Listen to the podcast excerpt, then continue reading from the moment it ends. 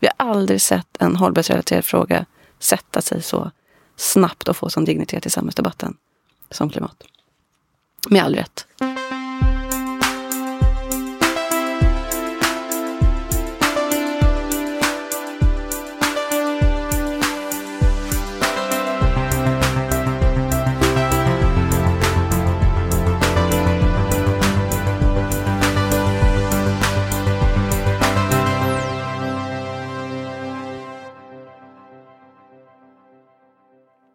Jag hade, gick hos en terapeut några gånger som jag fick tilldelad liksom, efter ett trauma. Ja. Och ehm, då märkte jag hur han eh, liksom började klippa med ögonen när jag pratade. För att det var så tråkigt. Ja. Ja, det var ju väldigt varmt och syrefattigt i rummet. Men då blir min reaktion att försöka prata eh, högre, snabbare, lite mer intressant. Liksom. Roligare. Jävla tra- det blev ett till trauma för dig där obviously eftersom du Ja, precis. Eh, och så, så, så berättar från dem bara, fan byt, byt psykolog. Jag bara, nej men det kan jag inte göra nu. Jag vet inte. Vet du vad jag har testat apropå bekännelseinkontinens? Ja, just det, bekännelseinkontinens pratar vi om. Mm. Vi har börjat spela in. Jaha. Jag har testat um, och vad heter det? traumaterapi. Jaha, Alltså hypnosterapi när man följer med ögonen så här. Har du hört om det? nej. Vi får prata om det sen. då. Jättecool. Och då hamnar man i en sorts trans. Eller?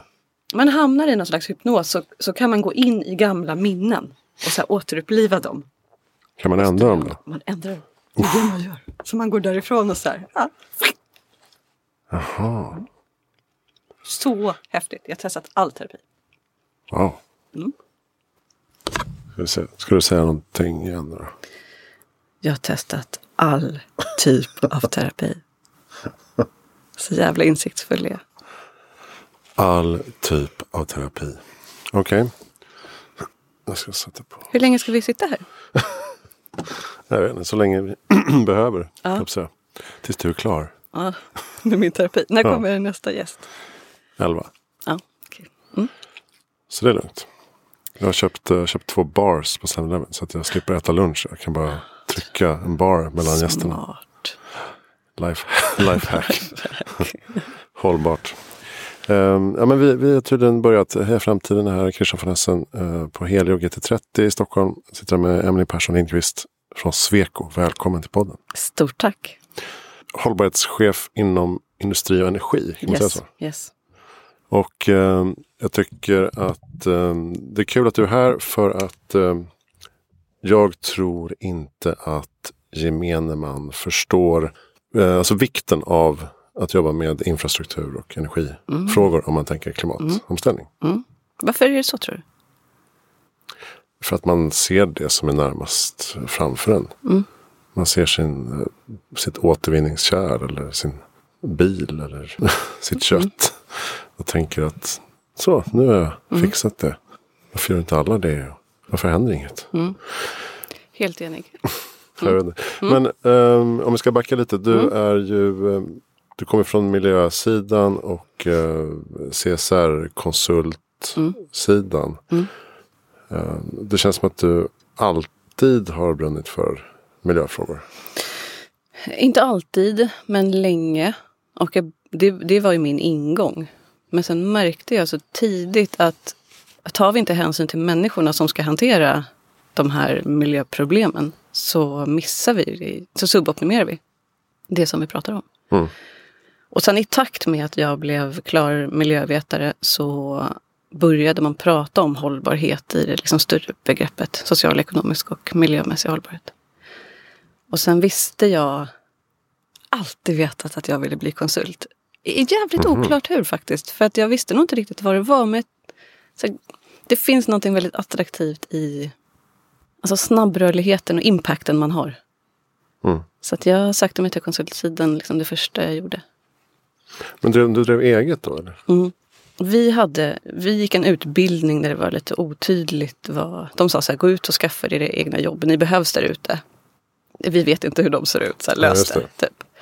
Det sållade bort ganska många människor som inte visste hur de skulle bete sig. Som då gjorde någon slags på, påläggsutbildning och Mm. blev någonting. Liksom. Var, det- var det här miljövetarprogrammet? Ja, ja, på Södertörn. Svinbra program var det. Alltså? Mm. Nej, men det, var, det var inte så etablerat och det var liksom väldigt så här, verklighetsförankrat. Det var Mm. liksom inte så här, så här har vi gjort i 200 år, det här har funkat alltid. Utan så här, man testade sig lite fram. Det var liksom ganska experimentellt tycker jag.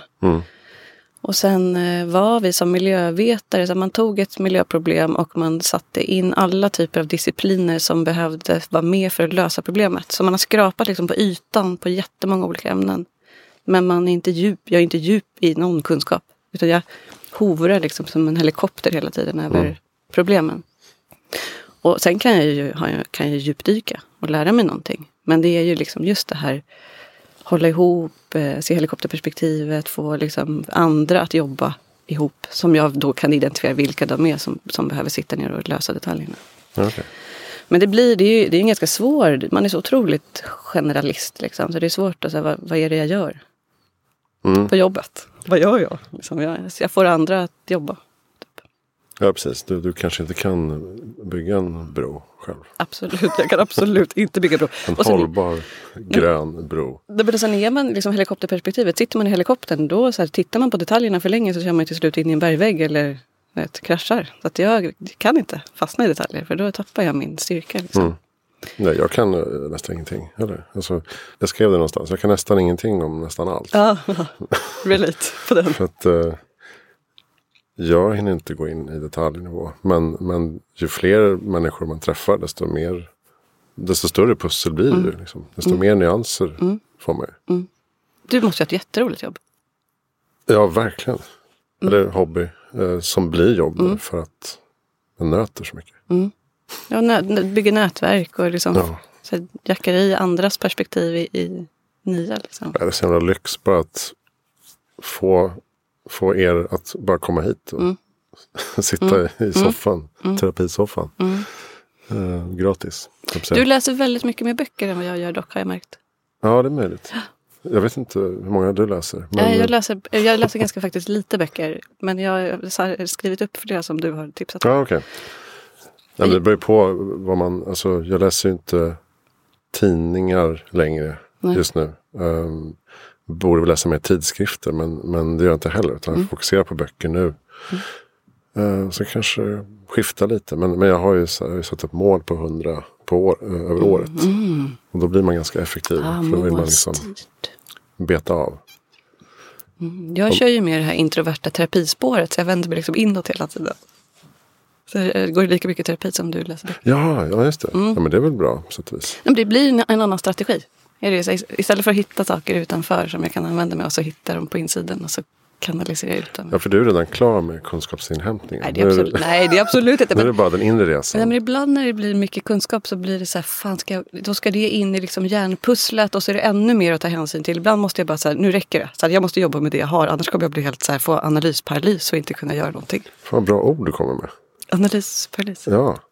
Vad sa du först? Bekännelse, inkontinens. Jag har bekänt all min terapi. två grymma ord på fem minuter.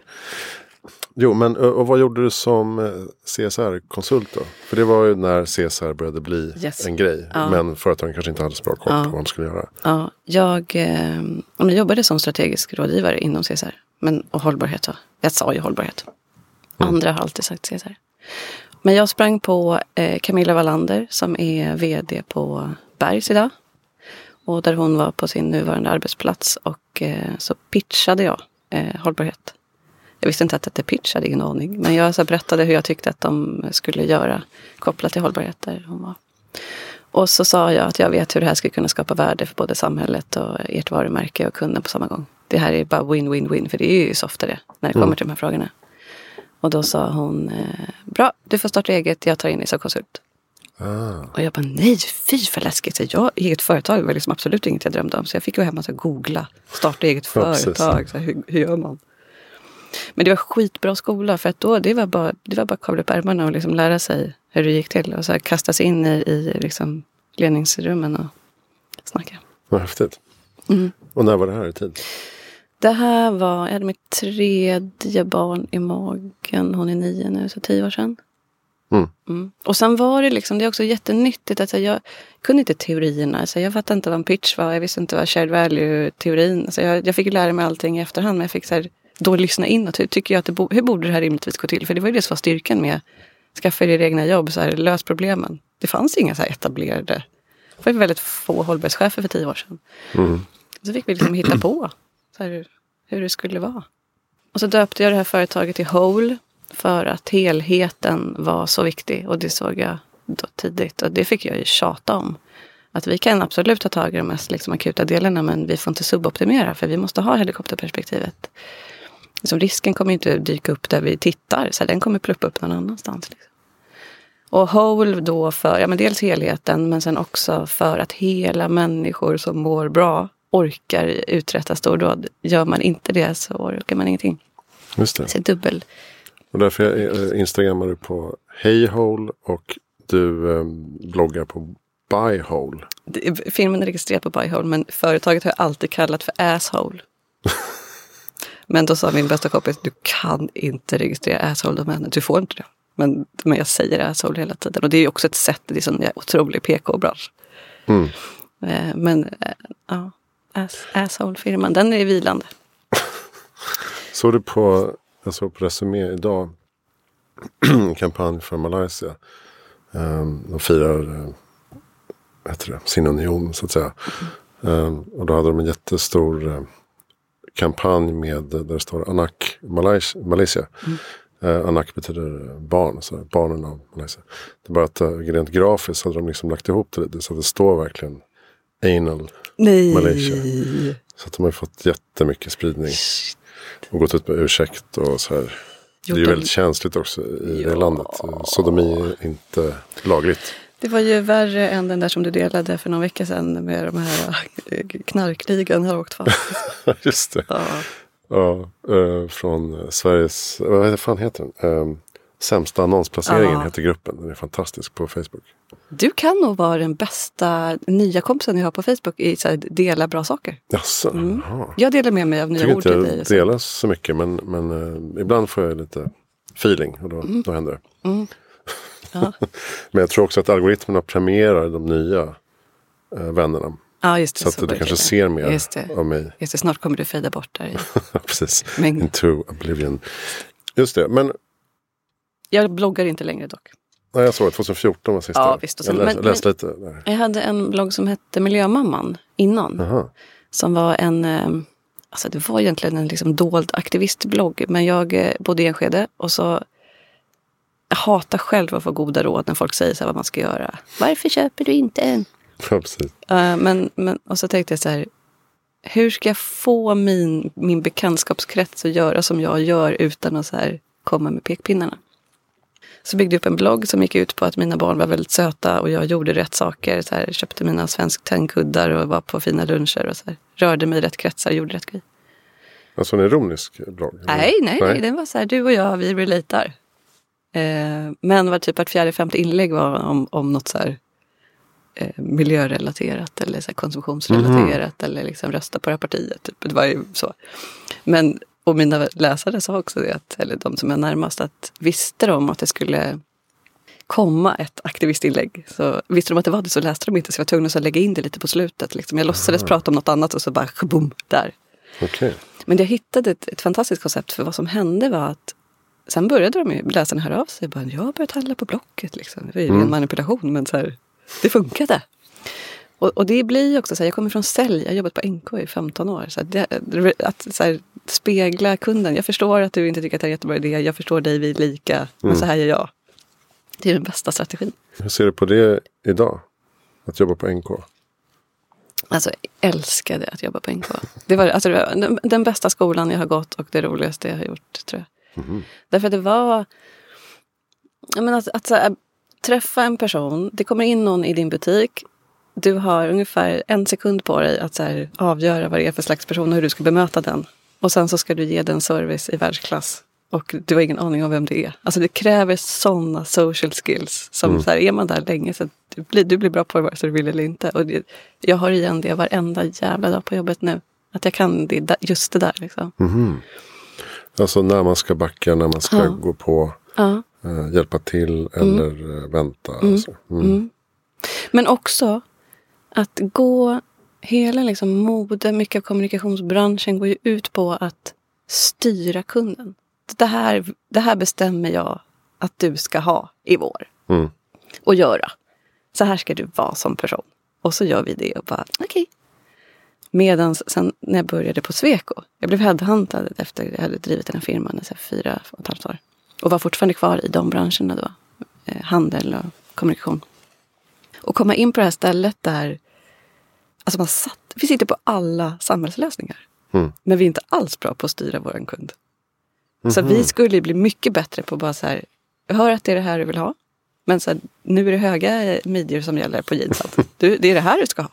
Okay. Så jag försöker liksom gifta ihop de här värdena. Använda mekanismerna från, från den, den modevärlden in i teknikkonsultbranschen. Okej, okay, så att försöka ta ett lite mer eh, auktoritärt skulle jag säga. Men, men, men lite mer guidande grepp. Ja, ja, och sen är det också, vi, vi är ganska vana som konsulter att vi får beställningarna och så levererar vi. Så det är det vår business går ut på. Men poängen är att kunden vet ju inte exakt vad den vill ha. Exakt, och så sitter vi på hela den här verktygslådan. Och det vet inte de. Så de mm. kommer ju tänka sig, det här funkade förra gången, vi kör samma igen. Eller vi twistar lite på en grej, men så här, där vi ser att nu, nu skulle vi kunna göra på det här sättet. Då är det nästan vår skyldighet att berätta. Nu är det här, den här lösningen är möjlig. Och då kanske de säger så här, ja, det här är redan beslutat, det är ett politiskt beslut bakom och vi har en budget och det är allt redan klart. Fine. Men det är vår skyldighet att berätta att så här kan man faktiskt göra nu. Vi kanske ska, för den lyssnare som inte vet vad Sweco är, ja. teknikkonsultbyrå. Ja. Det är ett teknikkonsultföretag. Eh, det främsta i Europa är det faktiskt. Ett helt fantastiskt bolag som är, jobbar med allting inom den byggda miljön. Egentligen. Byggkonstruktion, installationsteknik, arkitektur, miljö, IT för samhällsutveckling. Så vi kan allt. Och så jobbar vi med de här stora systemen, apropå vad vi pratade om inledningsvis där den ekologiska mjölken och jeansen i all ära, men liksom systemen som är bakom när du går in i butiken. Konstruktionslösningen i byggnaden. Energilösningarna som, som möjliggör att det blir ljus i, inne i butiken eller värme. Eh, eller mobilitetslösningarna som gör att vi kan ta oss dit. Alltså alla de här stora systemen bakom infrastrukturen. Jättehäftigt. Mm. 17 000 anställda, kan det stämma? Mm. 17 000. Det är sjukt. Ja, vi är jättestora. 6 000 i Sverige. Vi har eh, nio hemmamarknader. Eh, och omsätter jättemycket. kan allt. Jättemycket. Nej, men det, det, det, det är ett häftigt bolag. Mm. Och vad heter Mattias Goldman är väl övergripande hållbarhetschef? Yes. Just det. Yes. Så du rapporterar till honom? Eller? Jag har, ja, men vi är ju en eh, typisk svensk superdecentraliserad verksamhet. Eh, så jag rapporterar både till honom och till en linjechef som är en av eh, vdsarna på ett av bolagen. Okay. Och du jobbar bland annat med den här Urban Insights-serien då, av ja. rapporter. Ja. Var kommer den ifrån? Ja, men den kommer från, alltså mycket av det värdet vi skapar, nyttan vi gör, gör ju vi i projekt som är våra kunders. Och det kan vi absolut prata om och berätta, för det bara visar ju vad vi håller på med. Men Urban Insight är ett sätt för oss att ta den här samlade internationella expertisen som vi har och prata, belysa ett ämne i taget och visa vad som är görbart. Men den är också Urban Insight koncept. Det är som ett koncept för att, att visa vägen kan man säga.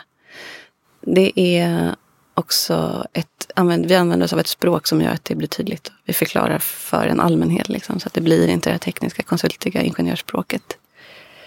Och så, så vi, belyser vi olika ämnen. Första året vi körde vi mobilitet, andra förra året var det energi, nu är det climate action. Vi släpper sex stycken rapporter på, på det temat. Mm. Den första handlade om carbon cost, alltså kost, relationen mellan kostnad och klimat. Den andra handlade om hur vi ska bygga stadsdelar eller miljöer där allting ryms på samma gång. Det är en jätteutmaning. Och sen eh, den tredje som kom i somras handlade om eh, värme, värme som, som problem, liksom klimatrelaterat problem. Hur många som dör i värmeböljor i Europa varje år och vad vi, ska, vad vi kan göra åt saken. Eh, och Climate Action-tema är ju för att det är så jäkla bråttom med klimatet. Alltså.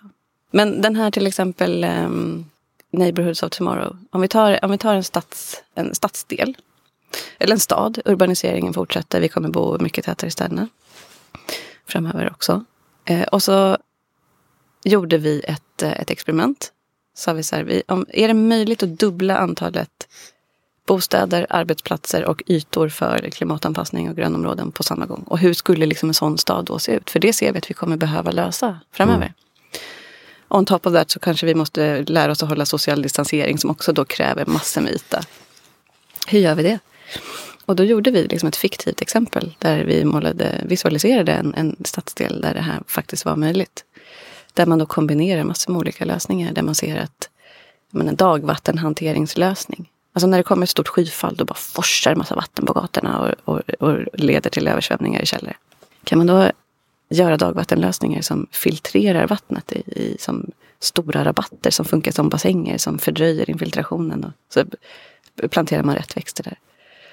Eh, vilket ju bara är supervackert. Och i norra Djurgårdsstaden har man gjort som små promenadbroar liksom, på de här lösningarna. Då löser man liksom tre problem i ett. Verkligen. Urban Ecological Infrastructure som yes. det kallas i fackspråk just nu. Yes. Eller Green Infrastructure och Blue Infrastructure. Precis. Men, och, och, det som gör ert uppdrag så spännande är ju ja, men dels kombinationen av den kraftiga urbaniseringen som kommer fortsätta. Mm. Um, och det är ju i städer klimatomställningen sker. Mm. Så att mm. säga. Det är där det måste ske. Det har ju alla börjat förstå nu. Mm. Uh, men också kombinationen av att vi måste reducera CO2-utsläpp. Vilket gör att vi måste bygga smartare och mer hållbart. Mm. Med bättre material och så vidare. Transporter. Och dels att vi måste bygga en resiliens mm. mot klimatförändringar som kommer. Mm. Oavsett hur mycket vi reducerar så kommer de ändå. Mm. De redan börjat. Så att. Mm. så att den eh, dragkampen mm. måste ju vara väldigt utmanande mm. för er att jobba med. Extremt utmanande. Och eh, spännande. Ja, det är det som är så roligt med det här jobbet. Och utmanande för kunden som då inte alltid heller sitter på verktygslådan. För det är ju det som är skillnaden. Vi förstår ju hur, hur lösningarna, vad som, vad som är möjligt. Um, och sen är det också väldigt liksom, beroende av vilka förutsättningar finns på platsen. För man skulle kunna ta best practice, liksom bäst möjliga lösning. Men det kanske inte är, fungerar på alla ställen. För att olika områden har olika utmaningar. Och det är det som är också styrkan med en decentraliserad affärsmodell. Vi är så starka på de lokala marknaderna. Vi har ju, jag vet inte om det är mellan 44 och 50 kontor någonstans i Sverige. Så vi är väldigt lokalt förankrade. Och då har man den här gigantiska verktygslådan men man har också lokalkännedom. Och så, så gäller det, det blir ju en balansgång som du säger. Mellan, mellan de här olika utmaningarna som vi har. Men nu har vi till exempel, så här, man, skulle, man, man skulle kunna tänka sig att okej, okay, vi gör alltid det mest, eh, vi tar alltid det mest klimatsmarta alternativet. Så skulle man kunna säga. Så skulle vi kunna säga när vi går in och ska handla mat också. Vi ska ta det absolut mest hållbara. Eh, men det, då är ju det, så här, då, det kostar. Som det ser ut idag så kostar det. Och vi behöver veta vad det kostar, var det kostar i processen och här, konsekvensen av att inte ta den kostnaden. Och det providar vi data för. Med det här carbon cost-verktyget till exempel som som innebär att vi kan identifiera, vi ger kunden informerade, eller möjlighet att ta informerade beslut för att vi sitter på den här datan där vi ser att här skulle ni kunna göra som ni hade tänkt och här och här och här, men här hamnar en, en, en tipping, här är en tipping point. Ska ni nå ert klimatmål så måste ni vidta åt de här åtgärderna i den här fasen. Och ju tidigare vi kommer in i projektet, desto, desto större sannolikhet att vi kan se det här sambandet. Mm. Det är så vi vill jobba och jobbar. Och era, era kunder då som kanske är kommuner eller fastighetsutvecklare eller städer. Förstår de de här utmaningarna och möjligheterna? I, ja. i uppdraget redan? Ja, det, det skulle jag säga eh, att man gör idag. Och vi ser ju jättemånga kunder som sätter press på oss och tar, antar egna klimatmål och har extremt hög svansföring och ambitioner i klimatfrågorna. Och det blir en sån jäkla mäktig effekt av att man tänker ett klimatmål är ett klimatmål, fine, men sätter en konsekvens, det blir en konsekvens i hela leverantörskedjan. Vi, vi, måste, vi är ju någon annans leverantör. Sätter de ett ambitiöst klimatmål, då måste ju vi jacka i det målet. Precis som nu när vi har antagit klimatpositiva 2030. Så får det konsekvenser för våra leverantörer och så sätter det igång en kedja av action på klimatområdet i hela samhället som vi, vi aldrig sett det här hända. Vi har aldrig sett en hållbarhetsrelaterad fråga sätta sig så snabbt och få sån dignitet i samhällsdebatten som klimat. Med all rätt. Nej, jag har ju också argumenterat för det länge. Att eh, det här är vårt stora narrativ som alla mm. längtar efter. Mm. Vi har det framför oss. Mm. Det är mm. bara, bara att köra. Mm. Och, som, och så ofta så blir de här lösningarna, så att de går inte stick i stäv med att liksom leva ett, ett härligt liv och i, i, en välmående stad. Utan det är bara ett, ett annat sätt att, att bygga på. Mm. Och ett annat sätt att tänka på. Men så här, är det rocket science? Absolut inte egentligen. Nej, det är bara att ha ett annat, komma in från annat håll på mm. ett annat perspektiv. Mm. Och grönytorna har väl dessutom ökat mm. ganska kraftigt mm. i städerna mm. redan. Mm. I Europa. I hela Europa har de det. Det är rätt häftigt. Ja. Och sen också tänker många som mår bra av att cykla. Alltså varför cyklar man inte bara hela tiden? När det är både bra för liksom klimatet, för hälsan, för ditt mentala tillstånd. Liksom. Eh, ni hade en annan rapport från 2018, 2019 mm. som eh, heter Samhället om 30 år. Mm. Undertiteln är Det urgala och glokala. Mm. Kan vi prata lite om den? Yes. Let's, den där Vad betyder det urgala och glokala? Ja, ska jag berätta. Det är två nya hittepåord som du ska få mig här idag. Vi planerar och utformar framtidens städer och samhällen på Sweco. Det är det vi gör. Och, och det, så här, vi har ju projekt som sträcker sig över 15 år. Så att framtid, det är ju framtiden. Det sitter vi med idag. Så de lösningarna sitter vi med i knät nu. Så att vi jobbar ju i framtiden liksom hela tiden. Det är det som är så coolt. Men ibland får vi sådana specifika uppdrag som, som den där som var, det var en stiftelse som fyllde 30 år som beställde en framtidsspaning. Här, nu har vi funnits i 30 år, om 30 år framåt. Så hur ser samhället ut då, tror ni på Sweco? Och så tog vi tio av våra experter och satte i ett rum en hel dag. Det här är bästa sättet att jobba på. Och så brainstormade vi tillsammans.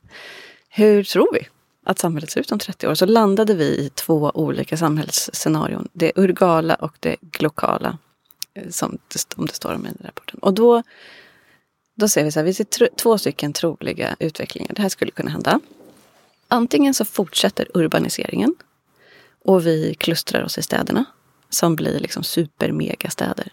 När man bor i städer så möjliggör ju det effektivisering av allt egentligen. Resursflöden, eh, energi, eh, transporter. Man, man, man har ju en förmåga att kunna lösa allt för man är många på samma ställe. Så det blir effektivt. Och så tror vi att AI kommer att göra, alltså möjliggöra att vi frigör massor med tid. Där AI kan användas kommer AI att användas enligt i, i den där samhällsutvecklingen. Eh, och sen så tror vi att det kommer att eh, vi kommer resa mellan de här städerna med hyperloopar och att det kommer gå snabbt och uppskalat.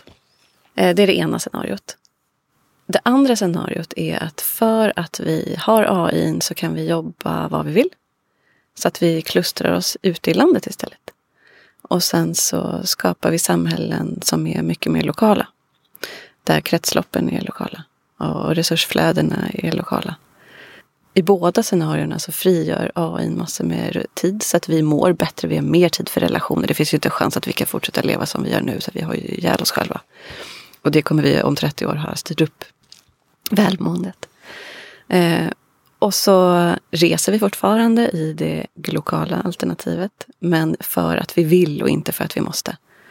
För att vi kan sitta och göra det vi vill på plats. Liksom. Och det är ju två jättespännande scenarion som är högst tänkbara. Eh, båda förutsätter att vi har hanterat klimatkrisen och att vi har hanterat de demografiska utmaningarna som vi ser med orättvisor och integration. Det är bara de två i sig kommer att vara ett heltidsjobb i de närmsta 30 åren. Men det som vi såg nu med coronan, för det här var en framtidsspaning om 30 år. Men det var ju precis de tendenserna. Så plötsligt sitter vi mycket mer lokalt. Vi ser ett mycket större tryck på liksom jag ska gå och lämna mitt avfall på, på, på den här av, avfallsstationen närmast mitt hus. Den är helt överfull för alla sitter ju hemma. Så här, det blir ett helt annat tryck på den. Det blir så otroligt tydligt vad det är som händer. Vi vill stötta vår lokala butik istället för att åka och, och handla någon annanstans. Alltså vi, vi blir mycket mer lokalpatrioter. Och då börjar vi bry oss om vår närmiljö på ett sätt som vi kanske inte har gjort när vi liksom hela tiden reser ifrån. Det är, det är jättehäftigt. Hur mycket av det här blir bestående nu? Så det är det vi håller på att prata med våra kunder om. Vad, vad ser vi? Mm. Vad tror vi? Hur gör vi? Och men, men eh, man kan väl tänka sig en framtid där båda de här två scenarierna samexisterar. Yes. Yes, det kommer ju vara mega urbana miljöer och mm. eh, lokala eh, byar. Även om du, du har läst lite i min bok. Mm. Vet jag, just när Karin Is pratar om solarpunkrörelsen yes. och så här självförsörjande mm. ekobyar. Det är mm. skitspännande. Mm. Och det är inte långt ifrån att det kan eh, ske. Nej. Vart bor du? Um, Roslagstull, Roslagsgatan. Mm. Stan. I city, ja, innanför tullarna. Ja. Ja. Nej, men så ser man ju också att de här, när man då tittar på ja, men de här multifunktionella flexibla lösningarna som vi pratar om för att kunna hantera en större inflyttning till städerna. Så de, de fyller ju plötsligt liksom så hänger vi och dricker kaffe i, i, i trädgården utanför mitt hus på, med grannarna på ett sätt som vi inte har gjort någonsin för att vi alla jobbar hemma. Mm. Och har någon slags gardening community eller skulle kunna ha. Liksom. Det är ju en jättefin utveckling. Mm. Och såg, eftersom jag jobbar lite med den fastighetsbyrån så, så vet jag just med fritidshus, Mm. eh, och sådär. Men även nyproduktion så frågar jag vad, vad är det folk efterfrågar? Mm. Ja men alla vill ha balkong eller terrass eller Mm. trädgård, grönyta. Alltså, t- Man har känt den, det här behovet liksom under det här året. Att, Mm. eh, Ska vi ha något nytt då ska, jag- då ska jag i alla fall ha mer nära ute Mm. och natur. Och så även då förstås eh, kanske ytterligare ett rum för hemmakontor och sådär. Det är så folk börjar tänka nu. Så det är lite spännande. Men jo, det finns ju en missuppfattning att städer per definition skulle vara någonting ohållbart.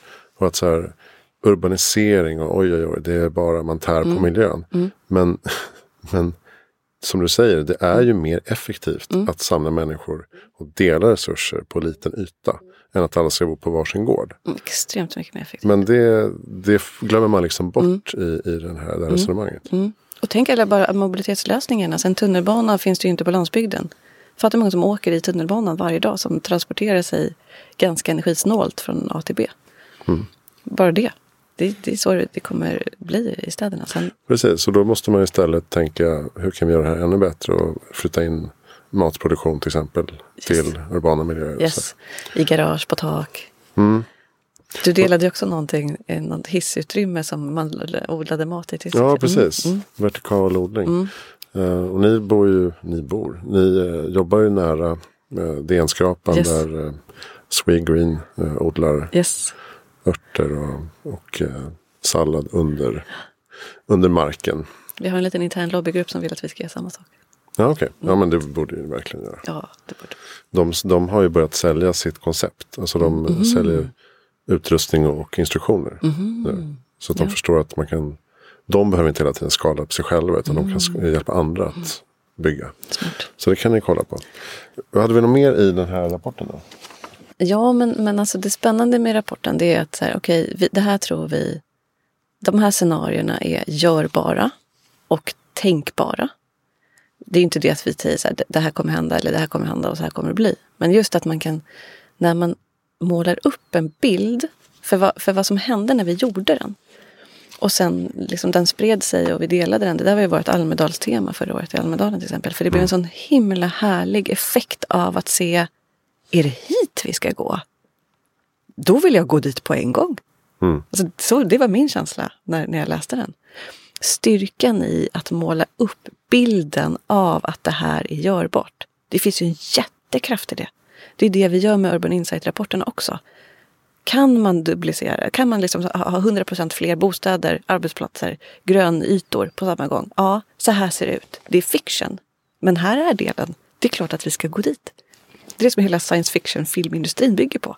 Kom så går vi. För det finns någonting i att bara kunna visualisera och berätta berättelsen som gör att på ett attraktivt sätt, så då vill vi vara en del av den.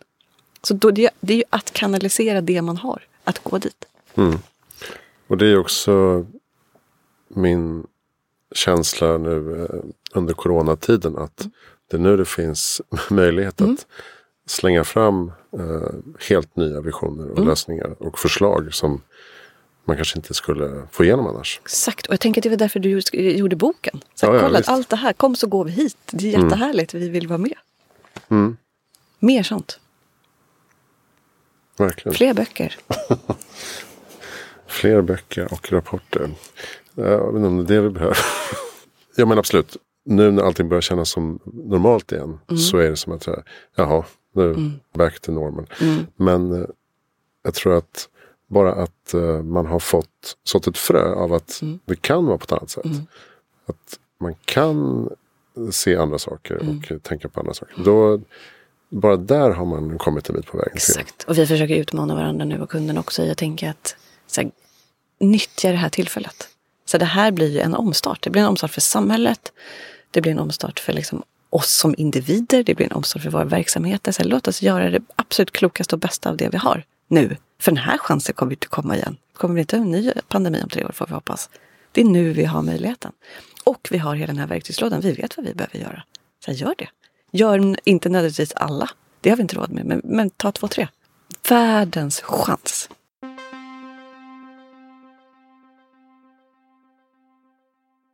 Jag tänkte vi måste prata lite om energi. Mm. Ändå. Mm. Om man nu ska elektrifiera eh, transportsektorn. Framförallt i de urbana miljöerna. Så är ju energilagring eh, den stora knäckfrågan. Mm. Och jag läste att ni skrev någonting om eh, Energy Storage as a Service. Just det. Och man pratar ju om batteriutveckling och mm. Eh, geotermisk lagring och mm. vätgas och mm. så vidare. Mm. Vad ser du liksom på den fronten uh, är mest spännande att titta närmare på? Nej, men vilken typ av, alltså, jag tror att vi kommer behöva olika typer av lagringsmöjligheter, inte bara en. Och det egentligen generellt i, i vad gäller mobilitet också. De här stora systemen, att vi ibland stirrar vi oss blinda på så här, vilken är den ultimata lösningen när, när det handlar om att titta på vad är de lokala förutsättningarna? Vad har vi, vad har vi i verktygslådan och vad skulle passa här?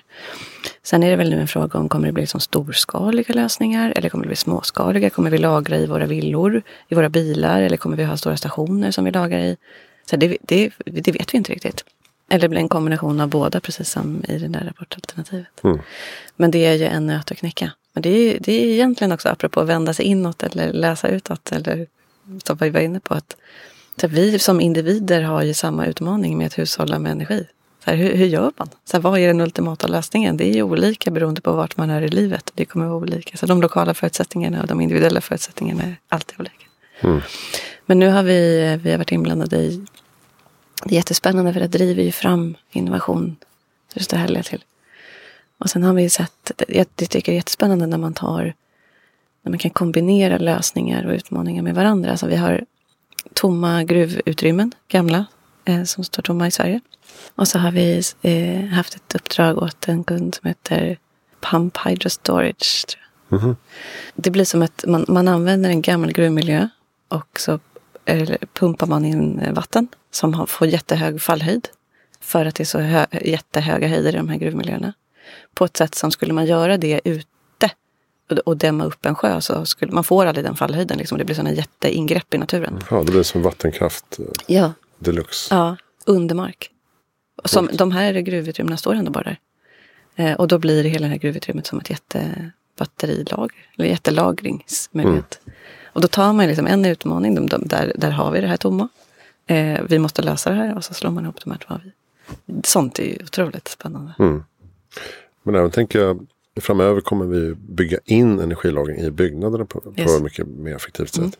Att så här, här är vätgaskammaren mm. där det lagras sjukt mycket mm. elektricitet. Mm.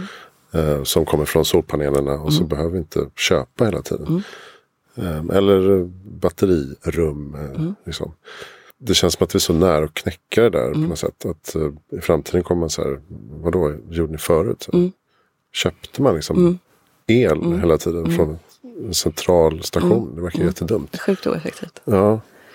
Men sen är det ju också så här, vi har, vi har lösningar. Vi, vi kan ju tekniken, vi har lösningarna. Sen är det ju, vi behöver en, en, eh, en politik som reglerar så att vi får så att det blir liksom lönsamhet i rätt typ av lösningar. Det är utmaningen nu att politiken ska hinna med och vara modig så att vi hamnar rätt. För att det är ju liksom ställa om, ställa om hela samhället till ett cirkulärt samhälle med mycket mer effektiva resursflöden. Så här, det finns ju siffror som visar att det kommer inte bli så mycket mer kostsamt än vad det är idag. Men för en enskild aktör som har hela den här teknikomställningen i knät kan ju det vara en, en jättekostnad. Och det är ju politiken som reglerar den balansen. Mm. Men samtidigt, min teori är att det är städerna som kan gå fortast mm. fram. Mm. Man behöver inte alltid vänta på politiken. Utan kommuner, städer, regioner kan verkligen eh, komma med helt andra förslag. Absolut. Än vad man kan på nationell nivå. Yes. Och det blir ju alltid, det finns eldsjälar som, som brinner och driver och det finns ju fantastiska exempel på sånt. Och det här nätverket C40 verkar ja. helt fantastiskt mm. också. Av de största städerna i världen som samarbetar. Yes. Vi är ju medlemmar i World Business Council for Sustainable Development som är en jättebjässorganisation för att främja hållbarhet i det globala näringslivet. Jag vet inte hur många procent av det globala BNP som är representerade men det är superstora bolag. Där vi liksom delar best practice från hela världen. Det är det vi måste göra. Vi måste, vi måste dela kunskapen och erfarenheten som vi har. Och sen plocka ihop eh, den mest lämpade lösningen för, för där vi befinner oss. Där ser vi också att städer har tagit en helt annan roll. Det är inte bara liksom näringslivet och företag som, som går i bräschen och viftar med flaggan. Utan det är ju städer som, som brandar sig. Regioner som, som brandar sig för att attrahera industrier och, och locka till sig boende. Talanger. Talanger. Ja, den är ju sjukt spännande. Jag, jag, jag, är, jag är som sagt hållbarhetschef för vårt industri och energisegment. Det är inte mina starkaste frågor, varken industrin eller energin. Men det är just därför är jag där. För att ibland är det ju det är när man kommer med nya ögon som man ställer de mest relevanta frågorna. Och eh, mm. plocka med sig, för jag jobbade med infra mycket förut, plocka med sig de erfarenheterna som man har därifrån och in i, i en annan bransch. Men också för att eh, hybridgänget, eh, fossilfritt stålgänget, stod i Almedalen förra sommaren och eh, sa så himla spot on att eh, kidsen idag som vill förändra samhället, jobba med hållbarhet, de vill vara på Spotify, Google eller Facebook. De förstår inte att det är på industrin, inom industrin man ska vara. Det är där revolutionen kommer vara som störst och det är där man har mest impact. Och det är så otroligt sant. Mm. Och då kände jag bara shit, det är så. Jag går över. Och så, och så får jag vara den där förebilden och kliva över på den andra sidan. Så det, och det är lite så här, för det som, det som blir svårt, talangerna som man vill åt. För att det är en superknäckis. Hur ska man attrahera talangerna? För att det brottas ju alla med. Mm. Eh, de går ju igång på jämställdhet och mångfald, frihet, kreativitet på ett sätt som så här, inte tradition och gubbvälde som man ser i, på industrisidan. Alltså det, det, man, man, kan inte locka med det. Nej. Utan eh, vi, behöver, vi behöver ju få dem att känna att det här är det mest spännande som finns. Och sen har vi ju fantastiska, vi har ju som en hel världsutställning i Sverige som Svante Axelsson som från Fossilfritt Sverige brukar säga. Med fossilfritt stål och batteritillverkning och massa coola exempel som attraherar ju talanger men vi behöver bli ännu bättre på det. Framförallt de kanske redan etablerade som inte har den där coola nischtekniken. Liksom. Ja, just det. Om Hybrid lyckas med mm. fossilfritt stål till 2045. Mm. Och sen har vi ju eh, icke att förglömma cement och betongindustrin också mm. som har samma mål. Mm. Lite mer anonymt bara. Mm. Mm. De kanske inte är riktigt säkra, säkra på hur de ska göra. Men eh, bara de två branscherna. Mm. Det måste ju vara lätt en femtedel mm. av all CO2-utsläpp yes. i Sverige. Ja, 10 procent är väl... 10 eh, procent är stål. Mm. Och sen eh, cement. Mm. Och sen, och Om man tänker infrastruktur yes. och bygge. Liksom. Yes. Yes, ja jättehäftigt. Och sen är det ju, men de övriga kan ju ändå jobba med, det blir bränsle, byta bränslen, effektivisering, nya processtekniker, så det finns ju mer att göra. Man ska inte bara lägga alla ägg i den korgen. Men alla måste dra sitt ja, ja, men, men, de, men de är ju superstora och mäktiga på det. Men sen, sen är det ju... Sen kommer ju alla behöva ställa om sina resurser. Vi, vi kan inte hantera resurser på det sättet som vi gör. Eh, vi måste skapa cirkulära flöden. Vi kan inte plocka upp jungfruligt material och göra en produkt och sen lägga det som avfall. För det funkar inte. Det kommer inte funka. Allting som går att recirkulera i framtiden kommer att, att recirkulera alla verksamheter kommer inte kunna jobba med cirkulära affärsmodeller. Vilka kommer göra det? En del kommer fortfarande ha linjära affärsmodeller. Men hur ser den här kartan ut? Men då kan du haka på mindre cirkulära affärsmodeller på de linjära också? Absolut, absolut. Och sen kommer ju de, absolut. Och det blir, man pratar om industriella symbioser nu, eller urbana symbioser. Om du och jag bor i hus bredvid varandra och så ska vi rensa vårt garage och så åker jag och slänger två fåtöljer och du åker 40 minuter senare och slänger ett gammalt dockskåp som inte dina barn leker med längre. Sen åker jag till närmsta stad och köper ett dockhus för det behövde jag. Och du åker, så här, hur kan vi... Det är principen bakom industriell symbios. Jag tar dit, dit det som du vill bli av med och mm. använder det. Och du tar det som jag vill bli av med och använder det. Och där gäller det, vi har ju liksom en tradition av att tänka på vår verksamhet. Vi tänker på vår familj, vår verksamhet, mm. vårt samhälle. Då kommer det här helikopterperspektivet så väl till pass. För vi liksom måste se att vilka resursflöden kan vi koppla ihop med vilka verksamheter. Vem, vem, för vem är det här avfallet en resurs? Ja, för nu kan nästan allt avfall användas som bränsle och eh, I princip. energi på något sätt. Ja, och då, och då blir hållbarhets, hållbarhetsvärlden viktig. Och mycket viktigt är det givetvis. Men jag vet att jag, jag åkte till, em, till London och pratade på svenska ambassaden om, för fastighetsbranschen i London om eh, climate, Swedish climate policy. Som jag inte heller är expert på, men det gick bra. Men då så berättade de här fastighetsägarna att eh, vi är så vana vid att sitta och bevaka våra intressen. Så här, det här har jag min fastighet, den ligger vägg i vägg med din, men det här är mitt. Ska man åt de här smarta energilösningarna då kommer vi behöva samverka med varandra, men det vill vi inte göra. Vi ska konkurrera. Ja, och då har man sett att eh, om man slänger ihop hållbarhetscheferna med varandra, då löser de, de låser liksom upp. För att vi har ju ingen som helst så här, tradition av att så här, bevaka vårt eget intresse. Vi vill ju jobba för det stora i världen. Liksom. Och det sätter jag viktig roll i det. Verkligen. Hur har din syn på miljö och klimatfrågan förändrats under årens gång? Alltså dels blir det mer bråttom men du ser ju också lösningar på ett helt annat sätt. Och sen när jag började plugga, hade vi hade ju två första åren, var ju depression på alla studenter. Det var jättejobbigt när, när vi insåg hur jävla allvarligt det var. Eh, det, jag väljer att inte gå in i det. Så här, det är fortfarande jättebråttom och jätteallvarligt. Jag kan, då kan inte jag jobba. Du För- kan inte bära den bördan. Liksom. Det kan jag väl. Alltså jag, kan ju, jag känner att jag kan ju alltid göra mer. Men det handlar ju om, precis som energilagring eh, hos en individ. Att så här, man ska or- det är ett maraton. Man ska orka hela vägen också. Jag ska kunna göra mycket mera. Eh, Men det, jag ska göra det över tid också. Eh, Och det gäller ju liksom för alla verksamheter. Det finns, någonstans finns den här brytpunkten mellan kost och carbon. Liksom. Det, det, man, och det gäller att hitta den för att det ska funka. Men jag är optimist eller pessimist. Jag är nog realist. Och sen lägger jag inte jättemycket värde. Jag, jag är ju, jag skulle nog kategoriseras som en eldsjäl. Mer att jag liksom observerar vad som sker och ser vad som behöver göras än att jag jagar upp mig för att det är bråttom eller... Så jag håller, I try to keep it cool. Mm. Eh, hållbarhet är att jorden är cool som jag skrev på Det står nog fortfarande kvar på mitt Instakonto. Jättehäftigt. Ja, Men, eh, men finns det ett problem att den stora majoriteten eldar upp sig för småsaker? Eller är det bra? Nej, det är absolut inte bra. För att, eh, att elda upp sig gör att man bara förbrukar massor med energi som man kanske behöver lägga på annat som är viktigt. Liksom. Det blir så här... Men, jag ska inte dra, jag ska, jag ska inte namedroppa dåliga exempel, men Jag kan på ett dåligt exempel. ja, Nej, men klimatklubben är, är, på Facebook är jättestor. Eh, och där, där är det både högt och lågt. Liksom. Men jag minns häromveckan var någon som bara. Nu har jag här en trasig strumpa. Vad tycker ni? Hur gör man med den? Ska jag återvinna den? Ska jag slänga den i soporna? Jag vet inte vad jag ska göra med den här strumpan. Och så kommer det tusen svar. Och då känner jag lite så här, den energin, eh, bara tangentbordsknackandet skulle kunna eh, läggas på så mycket annat. det var nästan så att du tappade lite energi när du läste det.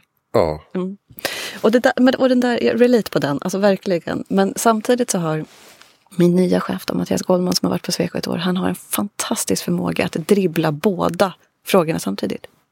Därför att de hänger ju faktiskt ihop. För någonstans så handlar det ju om ett mindset. Ska jag slänga den här eller ska jag fixa den? Och det kan man ju applicera på en liten sak och det kan man applicera på en stor sak. Eh, Men jag förstår precis vad du menar och vi ska inte lägga kraft på att lösa sånt som är marginellt. Utan det är de här stora. Vi ska lägga krutet där det ger störst nytta helt enkelt. Och då är det de stora bjässarna och de stora systemen. Samtidigt som så här, anledningen till att vi tänker klimat när det gäller liksom konsumtion i butiken eller kläder. Det är som du säger, det är närmast oss. Ehm, och där behöver vi väl kanske göra ett jobb med att berätta historien om vad som sker bakom kulisserna och vad man har för roll i det. Och det kan ju vi definitivt bli bättre på. Det kan ju vi bli bättre på också. Det är väl ett försök med Urban Insight att visa på lösningar och på att prata till samhället om de här frågorna. Men tips på liksom vad du kan göra som privatperson. Förra årets teman på energi, det var energitema, då var Magnus Lindén som ansvarig var jättebra på det. det här kan du göra. Det här, så här mm. rör det dig i ditt dagliga. Men återigen så är det ju så här. Modebranschen hade gjort det tio gånger bättre. Alltså inte än Magnus Lindén, utan men som, men för, som bransch liksom, så är man så mycket bättre på att styr kunden hit. Gör det här nu. Så ja, att man, det plötsligt, plötsligt blir det coolt med det här. Exakt. Men så här, det är du och jag som avgör om det här blir coolt eller inte. Så här, vi som sitter på ändå så här roller eller har någon form av status. Så här, säger vi att det är coolt så blir det coolt. Så det, kan ju, det är där jag kan känna ibland, här kan jag göra mer. Jag är mm. någon slags förebild. Jag ska kunna dra ett större strå till stacken. Liksom, men jag, man ska orka också. Mm. Över tid. Jag funderar nu på, bolla med tanken på hur man kan komma ut till eh, skolor på något sätt. Mm. Typ gymnasienivå. Mm. Vad tänker du? Jag tänker att man behöver en eh, finansiär. Ja. Så att skolorna inte ska behöva betala något. Det. Eh, för det, det finns liksom inte den betalningsförmågan eller viljan. Eh, man kan köra, inte bara föres, man kan köra, liksom, dra med experter mm. ut och mm. köra panel, mm. workshop. Eh. Mm. För jag tror att just den här synen på att framtiden är skit och mm. vi kommer ändå dö allihop i mm. klimatförändringar. Typ. Man bara, Nej, mm. så måste det inte vara. Mm. så att de behöver liksom påminna om mm. otroligt mycket coola grejer som mm. finns att jobba med. Också. Mm. Exakt, och väcka intresset att mm. liksom bli ingenjör och tjejer. Bara det är ett jättejobb som vi lägger faktiskt ganska mycket krut på. Men, men det blir också så, jag märker det, vi hade ju, spoiler lite, men vi har ju barn som läser in Urban Insight. Mm Barn pratar Urban Insight. Okay. Eh, då är det mitt barn och mitt grannes barn. Eh, och då prat, när vi pratar liksom miljö och klimat och hållbarhet så är de helt så här, hjärntvättade från skolan. Släng inte skräp i naturen. Nej, Släng inte skräp i naturen. Och så, så här, jättefint, men så här, där kan vi inte stanna. Är det det de får med sig? Så här, då har vi ett jättejobb att göra. Mm. Jag tog en gång globala målen. Jag jobbar mycket med globala målen som verktyg. Därför att för ett företag som heter Asshole så var det ju liksom fantastiskt när det kom en hel palett som liksom visualiserade helheten plötsligt. Så jag bara, ah, det är inte bara Asshole, det är också FN. Och så gjorde vi ett, ett en, vi har jobbat med dem som verktyg. Liksom. För tar man det filtret och lägger på ett uppdrag eller en verksamhet eller vad fan som helst. Så här, då är globala målen är världens största affärsplan. Mm. Dit ska alla. Politiken, näringslivet, civilsamhället. Ja, förskolorna har dem på väggen. Ja, exakt. exakt. Och så körde vi ett work, en workshop med sexåringarna bara för att se liksom vad, vad tycker de? Så här, vad tycker mm. de är viktigt? Och där måste vi börja. Så, väcka intresset. Ja, där är väl många eniga att där, den här visualiserade kartan är yes. så otroligt viktig. Och den såg ju inte ut så från början. Det är Jakob Trollbäck som på eget initiativ utan uppdrag, han New Division, som bara sa att det här kommer inte funka. Typiskt FN-språk eller typiskt EU-rapport. Mm -hmm. Man snarkar. Alltså det är så tråkigt så klockorna stannar. Det går inte att läsa. Och så sa han att det kommer inte funka om vi inte gör det visuellt tillgängligt. Så han gjorde det. Så det och det är ju halva framgången med globala målen är att de ser ut som de gör. Verkligen. Jättehäftigt. Och vi ser också att det, de låste upp så otroligt mycket. Därför att när vi satt förut och gjorde hållbarhetscoachningar så gick det två timmar. Då hade vi pratat om vad var social hållbarhet nu igen? Vad var ekonomisk hållbarhet? Vad var... Ja, det var det här. Slut! Mm. Och så kom de här målen och så la man dem i någons knä. Och så gick det sju sekunder. Bara, Gud, är det det här det handlar om? Men det här har jag ju liksom här. Här rör jag, ja, men här har jag verksamhet redan. Jag bara, exakt. Mm. Och, och, och, För företag älskar att lyfta fram, ja men då tar ja, vi den och den och den. Exakt. Ja, har vi arbetat med i det här exakt, projektet? Exakt. Ska man klappa sig på axeln. Men det blir också väldigt tydligt att det, här, det är här vi rör oss nu. Bra, då vet vi det. Sen är de, de är ju heltäckande men de är inte kompletta. Det finns ju demokrati inte med och så vidare. Mm. Men det blir i alla fall att liksom, man får det här breda perspektivet och man kan se, är vi rätt ute? Är, det vi ska göra liksom mer på banan eller inte? Så de, de löste upp jättemycket som förut var så här, vi vet inte riktigt vad det är. Nej, det är det här är nu. Så, då är vi överens om mm. det. Kom så går vi dit. Så apropå att berätta den här historien och visa vart man ska så är det en typisk sån sak. Hit, hit ska vi. Kartan. Och en gång satt jag på ett, i ett internationellt sammanhang med, med en, en bransch, en hållbarhetschef i en bransch som är lite på det, det ligger lite riskzoner så att säga utan att säga vilken. Men som sa så här. Jag vet inte om jag ska strunta i globala målen eller om vi ska tänka om hela vår affärsidé. För att så här, det här, de går inte ihop. Oj. Ja, och då, då, är man lite, då är man fel, på fel plats. På fel plats. Eller på rätt plats om man kan vända det. Ja. Men det låter inte så. Nej. Men eh, avslutningsvis då, vad är ditt bästa tips för att göra världen bättre? Alltså, vad är ditt bästa tips? Nej men sluta. Du måste ju ha något. Men jag jobbar ju med liksom nyfikenhet eh, och eh, frågor och eh, möten. Och samverkan och sådana saker. typ orka vara nyfiken. Ja, Ja, men då är mitt bästa tips att orka lyfta blicken. Mm. Vi, vi ska någonstans med det här. Det finns en tid efter Agenda 2030, det vill säga 2030. Det finns en tid efter 2045 när vi ska vara klimatneutrala i Sverige. Vad ska vi med alltihopa det här? Vi har ett mål. 2045 ska vi vara klimatneutrala. Allt ska ner till nollan innan dess. Men hur vill vi att samhället ska se ut då? Så det finns inget självuppfyllande i att vara klimatneutral. Liksom. Vi ska ju kunna leva i det och funka i det och ha det härligt i det. Så mitt tips är att lyfta blicken och se så här, våga orka drömma om vad vi, vill- hur vi vill ha det. Mm. Inte suboptimera. Nej, det var inget jättebra tips känner jag. Det var inte var ett ett bra jättebra tips. tips. Nej, jag, ska, jag måste fundera på ett tips. Jag kan mejla dig ett tips. tips. Har en bra lästips eller poddtips. Eh, alltså jag, den, jag läste en bok, oh, fan, det var så jävla länge sedan. Du, du, du är ju bättre på böcker som sagt. Men eh, Conscious Capitalism läste jag. Han som grundade Whole Foods från början. Som förändrade, alltså jag fick så mycket energi av den boken. John McKee tror jag han heter. Eh, för att han förklarade vad som var drivkraften bakom Whole Foods framgång. Liksom, hur, hur, vilket community han byggde upp och hur man jobbade tillsammans och hur man kan använda liksom, kapitalismens drivkrafter för att göra gott och nytta.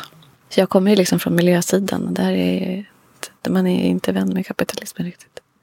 Nej, och det är också lite feltänk.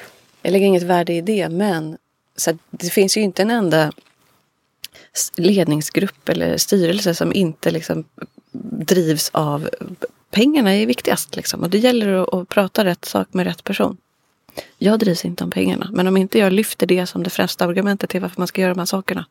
Så då får jag prata sen. Och det ska fungera över tid och det, och det är pengarna. Sen, är, sen hur ska vi liksom hur ska vi tjäna de pengarna i framtiden? Det är väl det som är knäckfrågan. Men jag tycker, jag tjatar om det, att jag tycker man har sett, vi är i en tipping point nu. Att, Mm. att alla de här hållbarhetsaspekterna bidrar till lönsamhet. Absolut. Alltså, det är nu man kan, kan se det svart på vitt. Och då finns det inget alternativ längre. Eh, Jag ska träffa nu, eh, om en halvtimme kommer Erik eh, Engelau Nilsson från Norrsken. Aha, Så vi ska prata ah, om hur de jobbar med eh, Yes. social impact.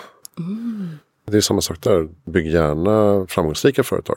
Det är ju bättre om de är hållbara och framgångsrika. Ja, än ja, om ja. de är hållbara och Yes. eh, är beroende av någon slags bistånd. liksom. Yes. Yes, absolut. Så det är ju det, är det, det är affärsmodellerna som, som är nyckeln. Och det är därför det är så otroligt härligt att vara på ett, ett företag som Sweco som har så mycket muskler. Alltså det, det är ju... Och vill så gott liksom. Det, det blir som det bästa av båda världarna. Vem tycker att jag ska intervjua? Du skrev eh, i mejl förut. eh, Ja. Susan uh, Harie Lindberg. Och henne har jag redan intervjuat. Ja. Det kommer snart. Men så hade du ett annat namn. ja, Robin Rushdie tror jag att det uttalas. Han driver Vakansa. Okej. eh, som är ett... ehm, ehm, varför bara bygga nytt när det står så mycket tomma lokaler? Han har en tjänst för att matcha utbud med efterfrågan. Just det, alltså kommersiella lokaler. Ja. Mm. En fantastisk person. Honom ska jag träffa med. Grymt, då eh, rundar vi av här. Ja, Eh, hur kändes uh, terapitimmen? den här var jättebra. Men jag adderar den här terapiformen till eh, min, eh, min, eh, mitt bibliotek av terapi. Ja, men det var jättemysigt ja, och härligt. Hur har jag skött mig? jättebra. Jag pratar lite lågt men jag tror jag kan bara boosta, Pratar jag lågt? boosta i uh, mixen. Så. Ja, okej. Annars Det är bra att säga det s- efter att allt är färdigt. Exakt. Nej, men jag vill inte höra att man ska tänka på det så här. Nu ska jag prata. Nej, just det. Ja, jag fattar. Tack snälla tack. Emelie Persson Lindqvist för att du kom till Heja Framtiden. Tusen tack. Kolla in hejaframtiden.se för allt du behöver veta och eh, förstås sveko.se SWECO för eh, om du behöver bygga en bro eller en stadsdel eller vill prata med någon klok och läsa Urban Insight-rapporterna. Ja, det kan du också göra. Mm. Urban Insight kan du googla på. Ja, annars är det bara att vi tackar Helio och GT30 för att vi var här. Jättemysigt. Och eh, tack för att du lyssnar.